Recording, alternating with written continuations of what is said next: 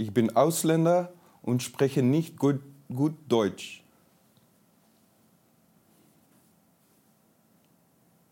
Ich bin Ausländer und spreche nicht gut Deutsch.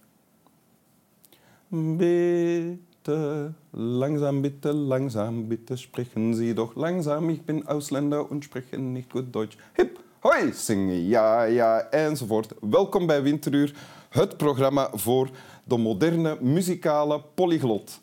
Met Wim Helsen, Igor de Hond en P.F. Tomeze, Frans Tomeze, als gast vandaag. Welkom. Ja, dankjewel. Um, schrijver, u bent schrijver al 30, 40 jaar, denk ik. Ja, de, ik, mijn debuut verscheen in 1990, dus 32 jaar geleden. Ja, en in uh, al die tijd daar sinds, als het een, een nieuw woord is, uh, heb je alle genres uh, beproefd. Hè? Zowel essays als romans, schelmenromans, verhalenbundels, Opera reisverhalen. libretto. Opera libretto. Opera libretto, voilà. Alleen geen poëzie. Nee. Nee, maar dat komt, uh, dat is een particulier iets. Ik, ik vind dat een beetje pretentieus, dat je zo'n mooi zinnetje schrijft en denkt, daar zal ik eens wat wit omheen doen. Voor jezelf? Ja, want ik hou heel erg van, van, van poëzie, moet ik zeggen, maar altijd gehouden ook. Maar het, het, het lukt mij niet. Ik denk dan zo'n zinnetje moet niet denken dat hij wat voorstelt. Dus dan schrijf ik er nog wat achteraan en, oh ja. en iets om het tegen te Voor je het weet is het al lang geen poëzie meer. Ja. ja.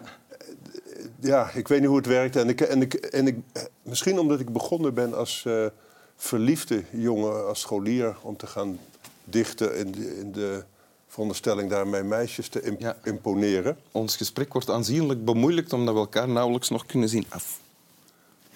Voilà. En uh, misschien... Houdt voor... van, uh, van liefdespoëzie misschien? Ja, misschien was dat de reden. Ik weet het niet. Maar voor we uh, aan het lezen toekomen, je, je laatste worp is een roman ja. en heet... Swansdale. Swansdale, ja. ja. Dus dat is een aanrader voor iedereen. Zeg ik nu maar zon, zonder dat ik het gelezen heb. Maar ik heb al wel andere boeken van jou gelezen met Ja. heel veel plezier. Ja. Um, dus ik ga ervan uit dat dit ook goed is. Wat misschien een grote vergissing is, want veel van jouw boeken lijken eigenlijk niet op elkaar. Nee, dus het, het, het, effect daarvan is dat altijd wel iemand uh, ontevreden is. Dat Ja. is wel uh, het, nadeel daarvan.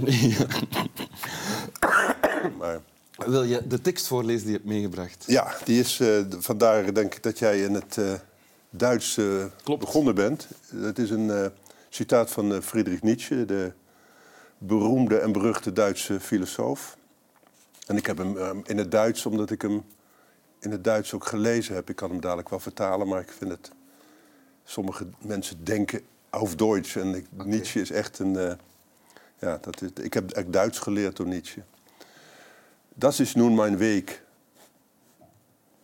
Wo ist der eure? So antworte ich denen, welche mich nach dem Wege fragten. Den Weg nämlich, den gibt es nicht. Dat is alleen maar mijn weg. Welke is jullie weg? Zo heb ik geantwoord aan degene die mij uh, vroegen langs waar, hè? langs welke weg. Ja. Of die mij naar de weg vroegen. Ja, en die de weg, weg namelijk, die bestaat niet. die bestaat niet. Ja. Nou ja, dat, dat is een, een, een van de fameuze paradoxen van, van Nietzsche... waar ik toen... eh, eh, Toen? toen, toen ik dat las... eh, helemaal Over welke tijd spreken we dan? Ja, toen was ik een jongen van 17, denk ik. En, en erg ontvankelijk voor grote woorden en grote gebaren. Mhm. En Nietzsche was ook ja, eigenlijk te, te groot voor me. Want ik, ik had daar wel wat van gelezen. Toen had ik dus een keer aan, de- aan mijn leraar Duits laten merken dat ik dat... Je las hem in het Duits toen, als 17-jarige dan ook. Ja, maar dat had weer te maken dat... hij- Nietzsche heeft natuurlijk een enorme invloed gehad op, eh, op dichters en schrijvers en kunstenaars. Hè? En, en ik kwam steeds meer schrijvers, dichters tegen die hem als eh, ja, leidsman hadden gehad. Dus ik dacht, dat, daar, daar moet ik zijn. Ja. En in het bijzonder eh, had het ook te maken met een leraar...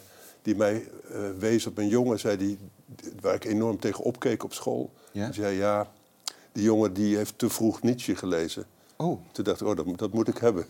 Dat, is, eh, dat sprak in mijn ogen. In, dus dat is de manier om uh, jongeren aan het lezen te zetten.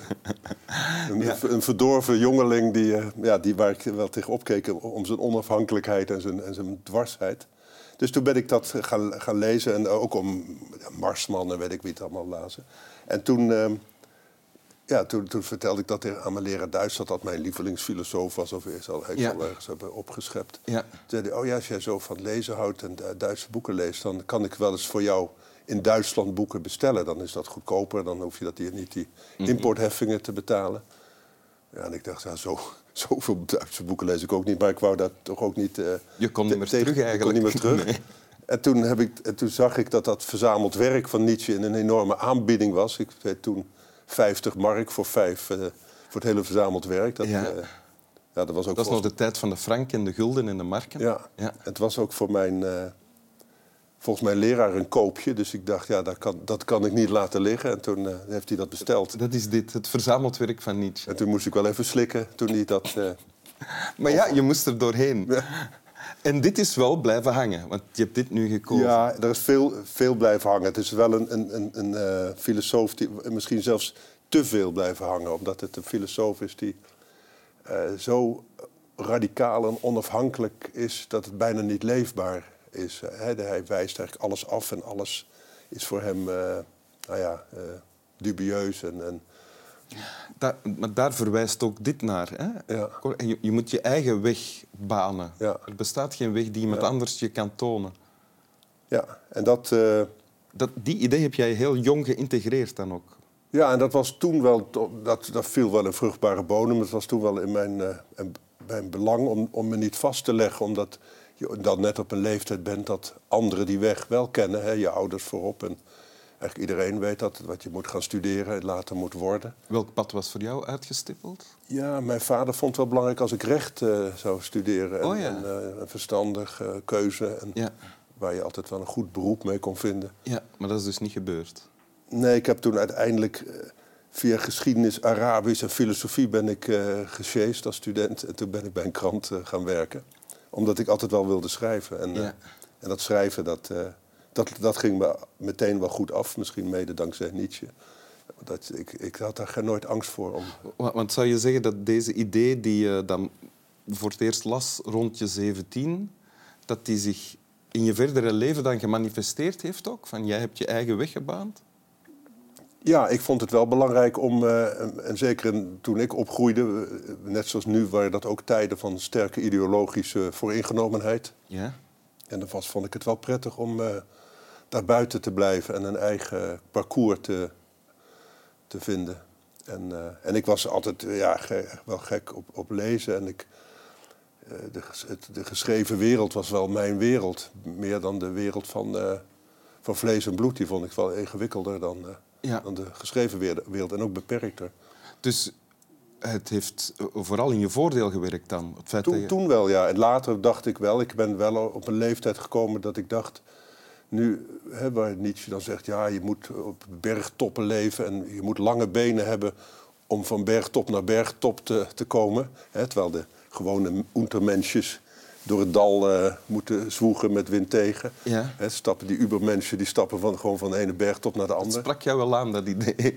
Ja, maar op een gegeven moment vond ik dat toch, dat, dat bergtop-idee eh, eh, potsierlijk eigenlijk. En toen, toen dacht ik, ik ja, ik, En wat heb je dan ermee getrouwd en heb je kinderen gekregen? ja, ik denk wel dat, eh, dat is natuurlijk precies wat Nietzsche niet zo eh, verstandige dingen over zegt, eh, is over de liefde. Dat, dat wijst hij af, dat vindt hij eigenlijk afschuwelijk. En zeker de lichamelijke liefde, waar ik toch wel al jonge liefhebber van was.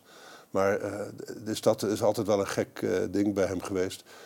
Maar ik ontdekte dat juist de, de overgave aan het gewone, aan het dagelijks, aan het onbenullig, aan het uh, untermensvliegen, Ja. dat dat voor mij heel aantrekkelijk was. Ja, aan routine dan ook?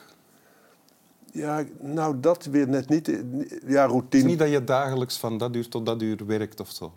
Oh ja, dat vind ik wel prettig. Ik ben een neuroot, dus ik vind het wel prettig als veel eh, bijzaken zijn uitgeschakeld. Dus routine is nodig om niet eh, te veel aan allerlei dingen te gaan denken, om je Ja. gedachten te, te kanaliseren. Ja. Dat zeker. Maar ik vond, eh, juist omdat ik kinderen kreeg, dat, dat is juist eh, eh, he- helemaal niet hetzelfde. Dat is, dat is nooit een, een moment hetzelfde als je kinderen hebt. En, dus dat, dat vond ik juist een wonderbaarlijke ontdekking. Maar hoor ik je nu zeggen dat je blij bent dat je je niet alleen maar hierdoor hebt laten leiden? Ja, ik ben, ik ben ik, ik geloof niet in God, maar ik dank hem toch, desondanks ondanks dat hij niks ervoor gedaan heeft, op de blote knieën, dat ik, ja, dat ik een gewoon eh, een ben gebleven. Ja, dat, Ja. Want dat ben je, een gewoon untermensch.